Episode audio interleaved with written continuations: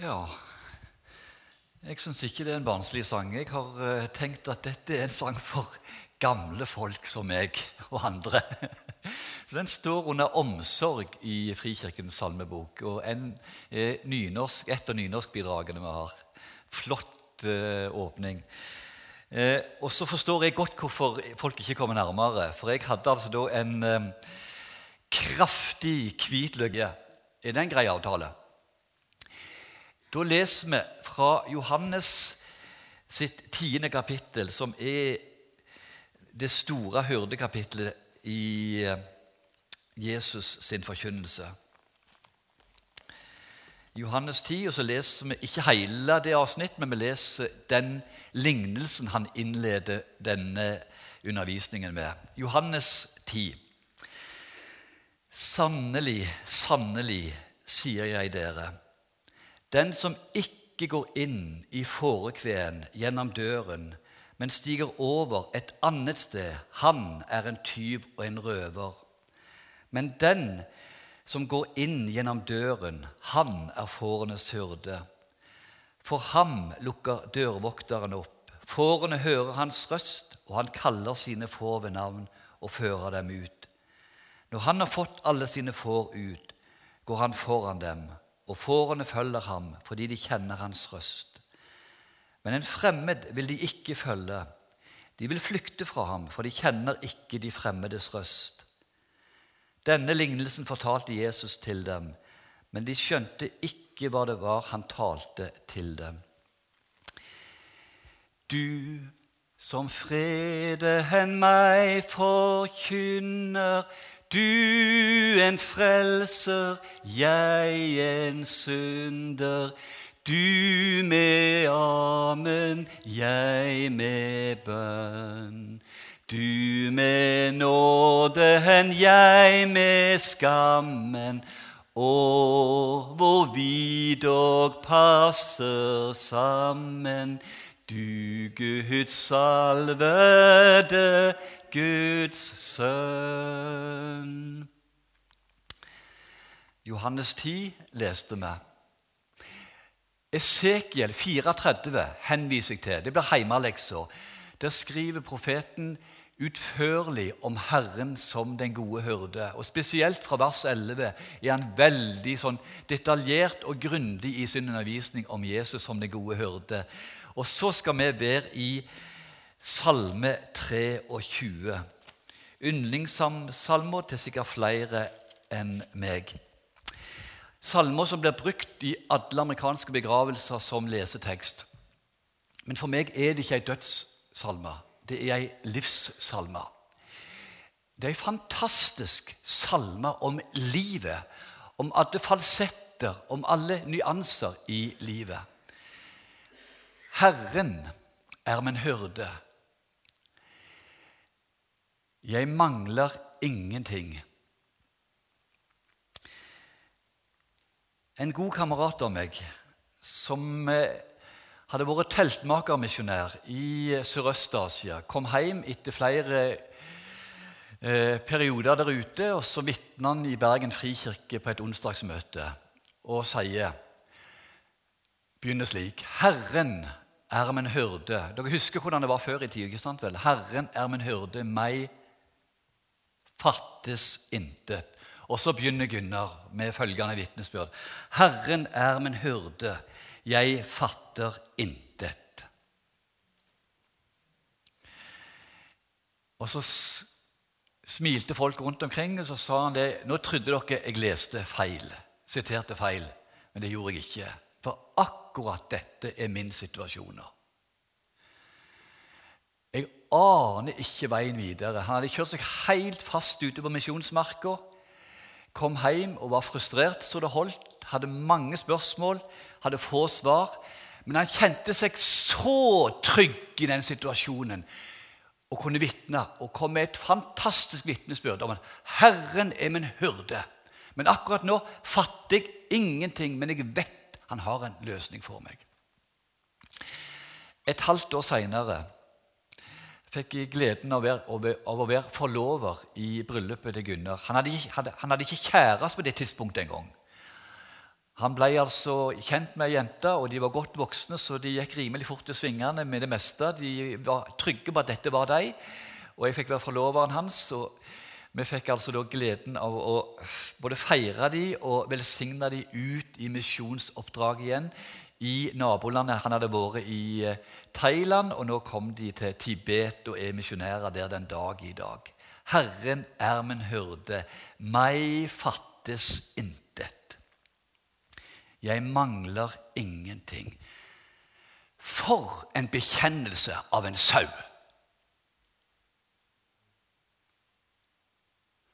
Han mangler jo alt. Ikke har han horn, ikke har han klør, ikke har han rovdyrkjeft, ikke har han hard panne, eh, ikke har han god akselerasjon, og når han endelig får opp farten, så har han dårlig kondisjon. Ikke har han veldig styrke i kroppen, ikke har han veldig spredt i kroppen, spenst. Eh, ikke har han god stedssans. Ikke kan du bruke han som trekkdyr, ikke kan du bruke den som ridedyr, ikke kan du bruke den som kløvdyr. Ikke legge den egg.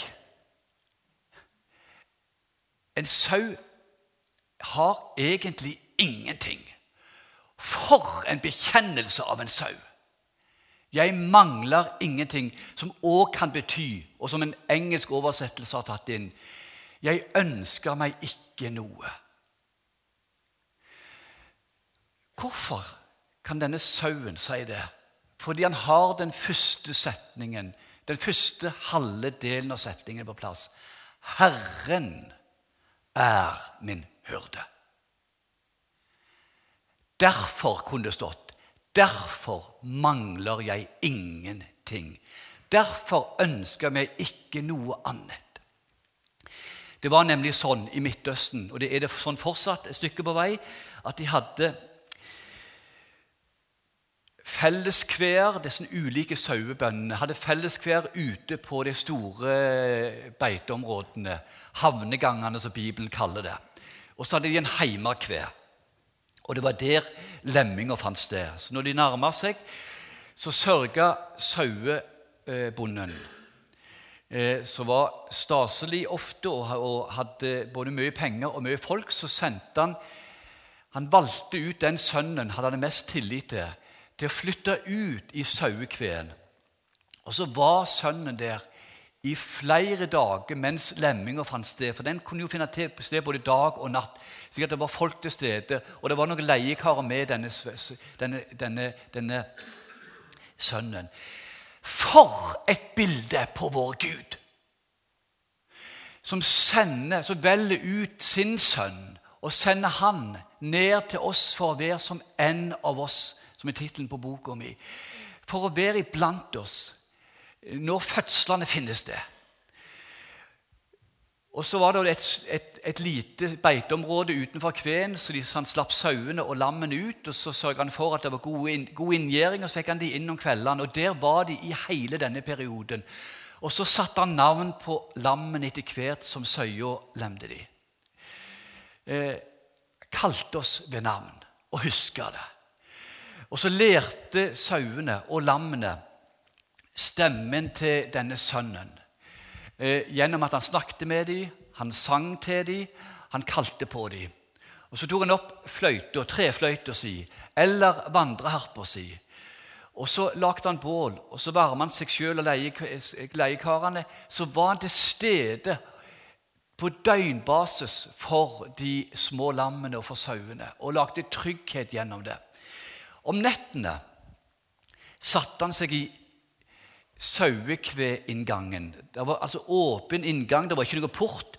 Men sønnen, altså han som sørga for eh, arbeidet, han sørga også for vaktholdet. Så han satte seg i kveen. Og På den måten så sørga han for at dyrene ikke kunne gå ut, sine dyr. Og han sørga for at ikke villdyr eller tjuvpakk kunne komme inn han satt som, en, som et hinder der. Han gjorde alt for at de skulle ha det maksimalt godt og trygt. Sørga for at de fikk nok vann, fikk nok fôr. Han var fantastisk med dem. Som en god far og en god mor. Altså, han var i sannhet den gode hyrde, som han kaller seg sjøl seinere i Johannes 10. Jeg er den gode hyrde, og gjerne med rød tjukk strek under gode hyrde. Er det rart at sauen kan si 'Herren er min hyrde'? Jeg mangler ingenting. Han lar meg ligge i grønne enger, eller på grønne enger. Er ikke det en rar start? Altså Han skal føre de ut, stå, sier Jesus Johannes evangeliet. Han fører de ut, han fører de inn. Men var ikke det rart at det kom så tidlig? Det første David vil si om hyrdens egenskaper, er ikke at han får dem i arbeid, er ikke at han har oppgaver for dem, er ikke at det er en tjeneste som venter. Gud velsigne misjonærene i Japan. Jeg sa til Kjell Ole at det er faktisk av de, et av de landene der Frikirke og, og Misjonssambandet har veldig tette, gode relasjoner. Det er misjonsarbeidet i Japan. Gud velsigne dette. Og la oss be om å få flere misjonærer både innenlands og utenlands. Vi trenger det mer enn noen ganger. Men det er ikke det David begynner med. Han sier 'Han lar meg ligge i grønne enger'. Altså, han, han får meg til å hvile og de av dere som har hatt, som har hatt eh, eh, arbeid med sauer, vet hvor vanskelig det er, og ikke minst med lammene, å få dem til å legge seg. Flere ting må være på plass. De må være mette. Det må, det må ikke være noen parasitter som plager dem. Og det må ikke være noen trusler, altså villdyr eller andre ting som er, som er en fare for dem.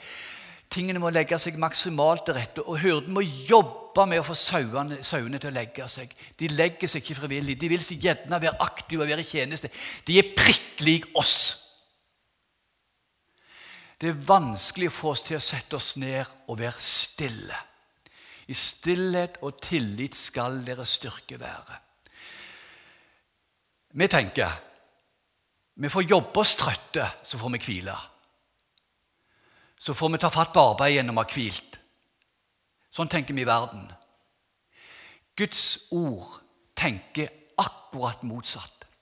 Vi begynner med å hvile, og så arbeider vi, og så hviler vi. Det kan du se av to forskjellige grunner. Gud skapte i én, to, tre, i seks dager så var han ferdig med sitt arbeid. Så da, Han har det i seg at han arbeider og så hviler. Der står det 'så hvilte Herren'. Hva var menneskets første dag på jord? Menneskets hele første dag på jord. Har du tenkt på det? Det var hviledagen. Det var hviledagen. Det begynte med de grønne enger. Og Jødene har tatt det inn i tenkningen sin, sikkert de er mer bibelske enn oss. Så deres døgn begynner klokka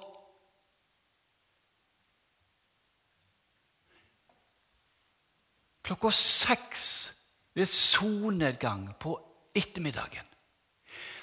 Da begynner døgnet til jødene. Altså Når det stilner av, når arbeidet er gjort, når de går til ro og familien samles, så har de hele kvelden og hele natta til å være i lag med Herren og være i lag med hverandre og være i lag med seg sjøl. Hente seg inn, hente krefter. Og så kan de begynne på, ny, på et nytt arbeid midt i døgnet. Herren er min hyrde. Jeg mangler ingenting. Han lar meg ligge i grønne enger, og han leder meg til hvilens vann. Eller vann der jeg finner hvile. Begge oversettelser er mulige, og egentlig er den beste oversettelsen Han leder meg til stille vann, der jeg finner hvile. Prøv å få en sau ut i opprør, ei opprørt elv. Prøv. Så kan, så kan, du komme og så kan vi snakkes etterpå. Du får det ikke til. Blir det, for, blir det for heftig fart i elva, så trekker sauen seg. Og da lærer en hyrde som kan faget sitt, å demme opp og lage ei lita evje, et lite, avlukke, slik at sauen, sauene, lammene, kan gå ned der og drikke seg utørste. Herren stilner det frådende havet, og så lar han oss få drikke stilt og rolig av det livgivende vannet. Vi skal få ta det inn porsjonsvis, slik at vi finner hvile for våre sjeler. Han styrker min sjel. Ja, står nå egentlig det? Ja da, du kan skrive 'styrker min sjel', men det er altfor svakt. Han fornyer min sjel. Ja, det er bedre. Det står det òg i en oversettelse. Han fornyer min sjel. Da er du på sporet. Men det er altfor svakt. Du får ikke inn poenget. Hva sto det før i tida? Her har jeg nok folk som har lest de gamle oversettelsene. Han Han Åh, Er ikke det et vakkert ord? Altså, For det første er det jo så vakkert lyrisk. Og for en hemmelighet som ligger i det ordet. Han vederkveger min sjel. Det er ikke mange ungdommer som forstår i dag. Han vederkveger min sjel. Hva betyr det? Jo, forteller Jan Bygstad, som, eh, har, eh, som jeg har snakket med om dette. Det er et ord som er henta fra hyrdespråket. Eh, og Esekiel skriver om det, og Jeremia skriver om det. Og det er når en sau har fått ryggvelt, eller ørekvelte, som òg heter en del plasser. Altså Han har ramla på ryggen, og da klarer ikke en sau å rette seg opp igjen. Da ligger han der og vil dø. Enten ved at villdyr tar han, men det vanligste er at de indre organene kollapser. Han kveles. Han klarer ikke å snu seg. Han trenger å vederkveges, og det betyr å bli omvendt av en fra utsida. Gud er fantastisk. For noen bilder han har gitt oss. Altså, Det må være en hyrde til stede som kan ta sauen og få han på beina igjen. Og da vederkveges denne sauen. Da omvendes han og kommer seg på beina igjen.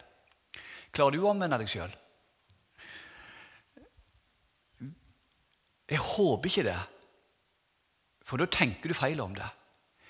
Så Det er jo derfor vi sitter her og er nådesøsken. At vi ga opp disse trosprosjektene på å frelse oss sjøl. Og så sa vi til Herren jeg får det ikke til. Jeg makter ikke dette. Skal det bli noe ut av min frelse, så må du gjøre det. Du må gjøre alt. Du, Herre, må omvende meg, så blir jeg rett omvendt, som Jeremia sier. Du må vederkvege meg. Han fører meg på rettferdighetsstier for sitt navns skyld. Rette stier står det i en del eh, oversettelser. Det er så galt som det kan bli. De mener det godt, men det er galt. Eh, det beste jeg kan si om det, er at eh, hvis det er rett i den forstand at det er riktig vei, så er det bra. Men du som har vært i Midtøsten, og som spesielt har vært inne i Judafjellene, og spesielt på østsida, det som kalles for skyggedelen, skyggelandet av Judafjellene, og har sett disse hurdestiene Du vet jo, Det fins ikke en sti som ligner på å være rett på å være en linjal. De er så krusedullete, og de er så svingete. Og det ordet som står eh, for sti, betyr egentlig spiral eller sirkel. Bare for å få fram at det går fram og tilbake og like langt. Altså, Det ligner til forveksling på ditt og mitt liv. Hvis du snur deg hvis du sitter i livsbåten din og snur deg, eh, så har du, hvis du ser framover og ser mot himmelen, så tenker du det går rake veien til himmelen. Og sånn sett er det rett. Hvis du snur deg og ser på linja, på, på, på sporet i sjøen, så skjønner du hvor galt det er. Det er bare nåde at du kommer til himmelen. Det har gått i hytt og vær, Fram og tilbake. Du snakker meg om sirkler og spiraler. Men det fører hjem for hans navns skyld. på rettferdighetsstier for hans navns skyld. Det er han som har ansvar for livsvandringen vår. Det er han som sørger for at det bærer hjem, folkens.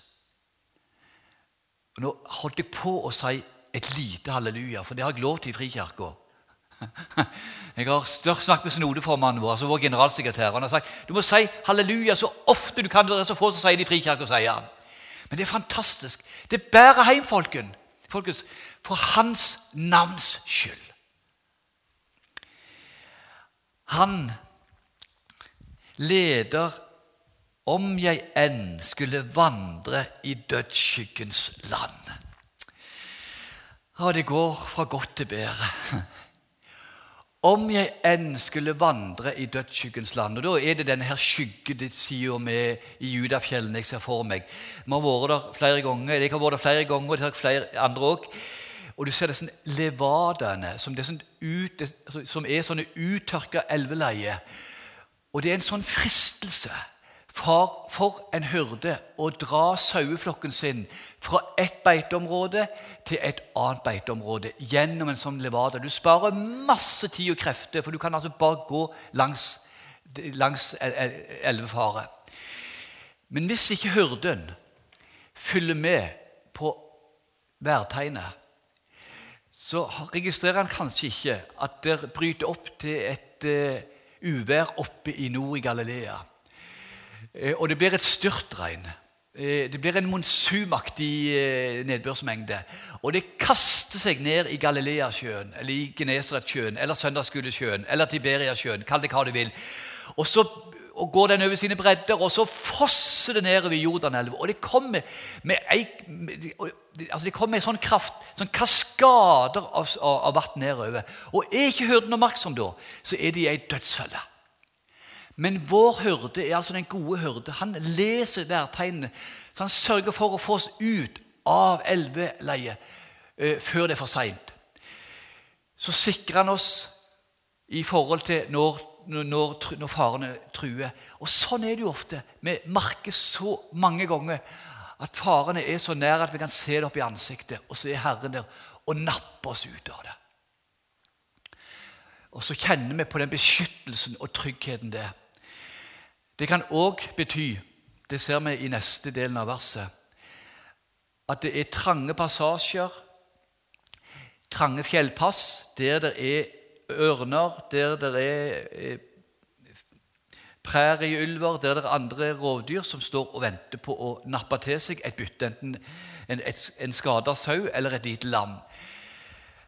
Han er trygg og leder oss om vi enn skulle vandre i dødsskyggens dal, frykter jeg ikke for ondt, for du er med meg. Det var det. Det var sangen vi begynte med. Han er med oss, tett ved siden av går Jesus. Din kjepp og din stav, de trøster meg. Ja, din kjepp og din stav, de trøster meg. Det er et nydelig bilde. Kjepp brukes til forsvar. Det er en sånn klubbe. Den knuser du skallen på rovdyrene med. Eh, den tar du i nærkamp med dyrene. David klarte seg sannsynligvis uten det, men eh, de, de, de fleste hyrdene trenger og det er jo Guds ord som er vårt våpen. Det er Guds ord som er vårt våpen. Kjeppen. Og Herren han bruker altså sitt eget ord til å forsvare seg med i forhold til fienden. Det vet vi jo når han møter han i ørkenen, i fristelsen. Staven har ingenting med forsvar å gjøre, men for et redskap det er. Høg, denne kroken som vi ser på biskopstava, skal være sånn. Og den ble brukt til flere ting. Følg med, følg med. Når det var veldig krattskog, som det kunne være i deler med, med gjerne tårnefulle kratter, så sørga hyrden for å gå foran, og så bante han vei for sauene med å rive dem vekk med denne staven. Nappa vekk alt krattet, så det var en fin passasje for dem. Gikk de forbi en, et, et, fjell, et fjell platå der det var ganske bratt ned, så kunne han legge hyrdestaven ned som et gelender, slik at ledesauen gikk først, og da fulgte de andre etter. Da holdt han den der og sørga for at de passerte. eh, trygt forbi den eh, trange passasjen der. Når det var lite med mat, som det ofte er i Midtøsten, så kunne han ta og dra ned greiner fra trærne omkring. Og så kunne han dra av eh, bladene, og så fikk de litt gratis næring, saueflokken hans. altså. Tøft så det holder alltid sammen, men det tøffeste er når det går helt galt for en sau. Han går i skårfeste, og det vet vi hva er. Han går seg fast i ei kløft, ei klipp, i en, sånn, i en liten eh, eh på, en, på en steinklippe eller ei lita kløft. Kommer seg ikke videre, kommer seg ikke ut av det. Han er nødt til å bli redda. Ei geit klarer seg rimelig mye bedre, da får det mye mer spredt i seg. Da lager hyrden en sånn type lasso som han fester til denne kroken, denne hyrdestaven. Så senker han denne lassoen ned. Ofte er det lagd av, av, av, av greiner hvis han ikke har tau på, vanlig tauverk. Og så kan han feste dette rundt en kroppsdel på sauen og få hanka han opp og redde han. Herren er min hyrde. Jeg mangler ingenting. Er det rart han sier det, sauen? Han har lært sau. Han har lært Herren å kjenne gjennom praktisk liv og praktisk erfaring. Han dekker bord for meg, like for mine fienders øyne. Ja,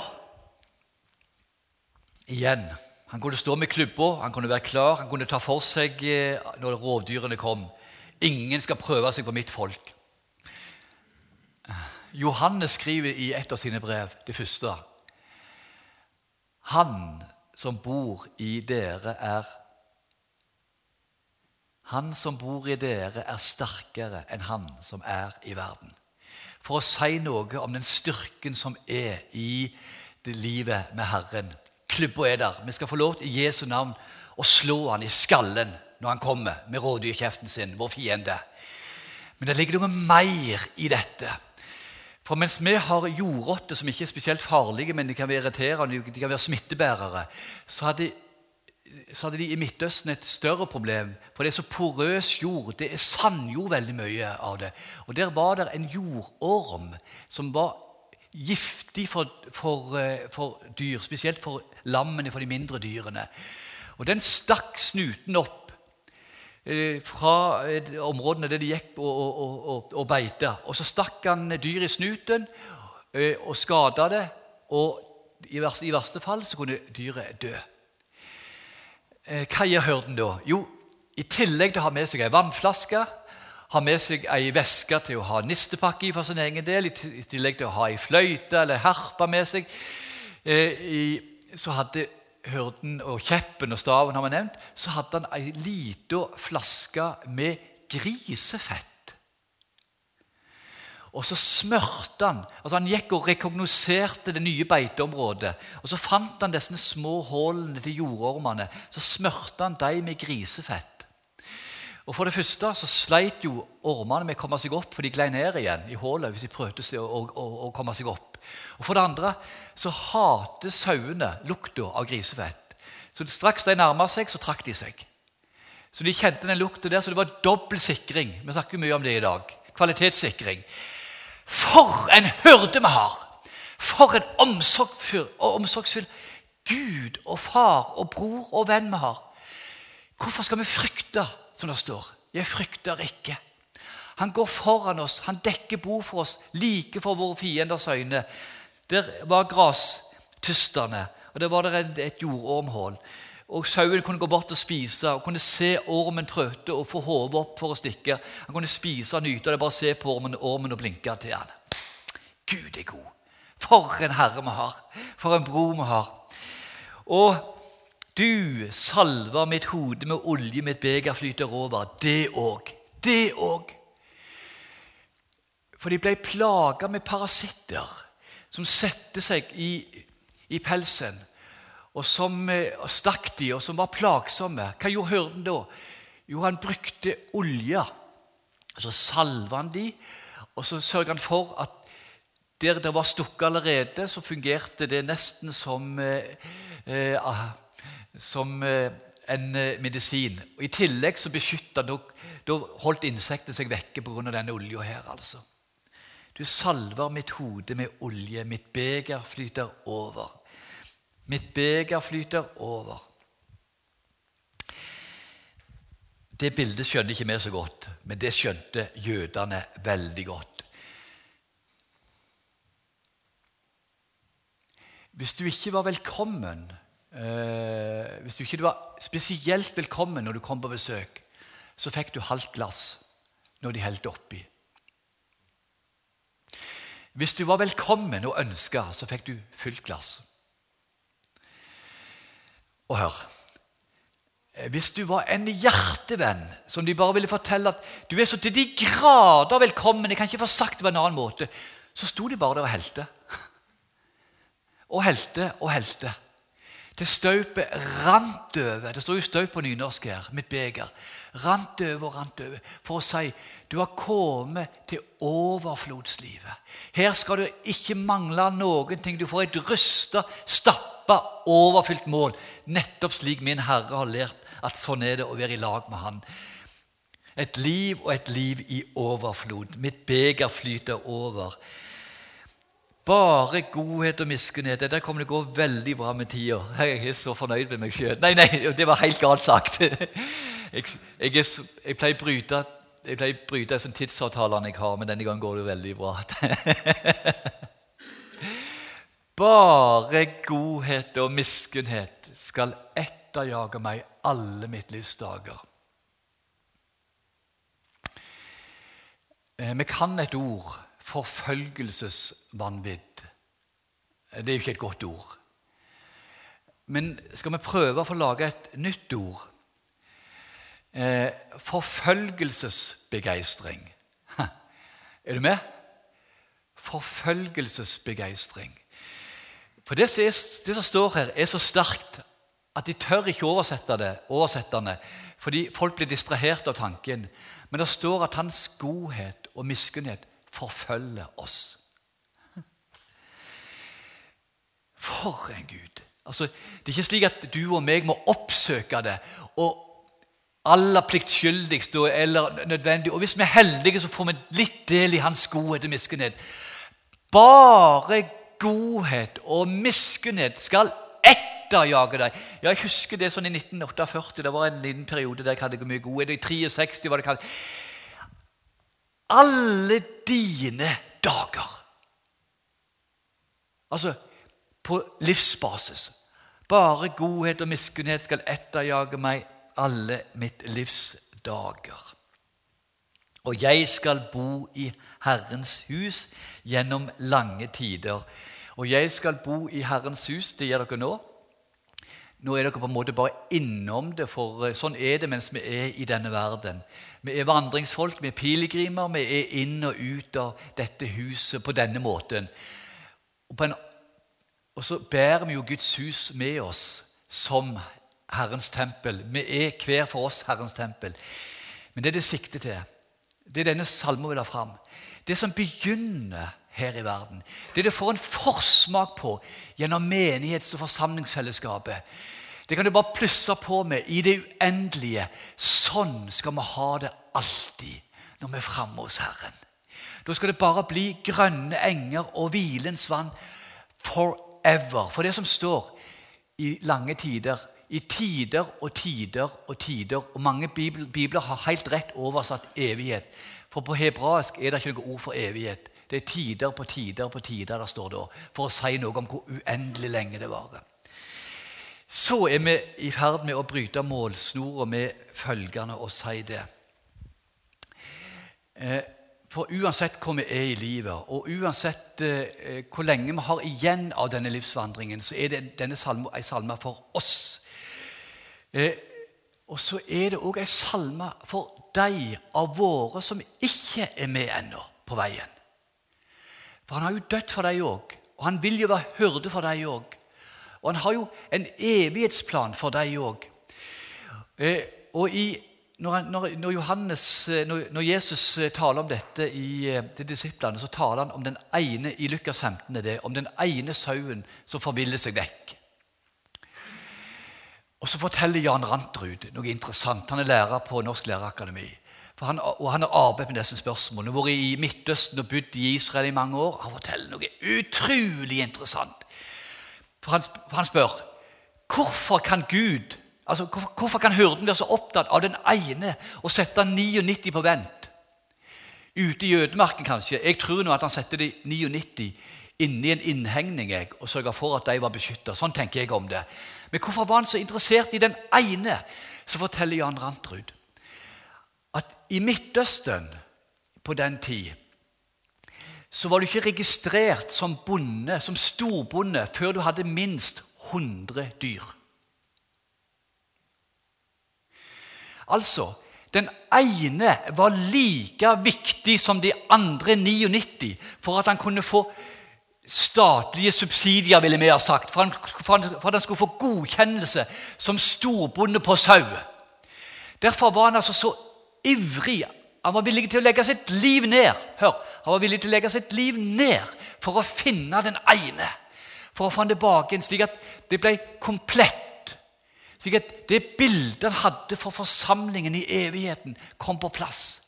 Tenk på det når du ber for dine, som du har bedt for i alle år, og som du tror kanskje beveger seg litt imot Guds rike. Du har store planer for dem, men Gud har større planer for dem. Han tvinger dem aldri, men han har altså et sånt hjerte for den ene bortkomne.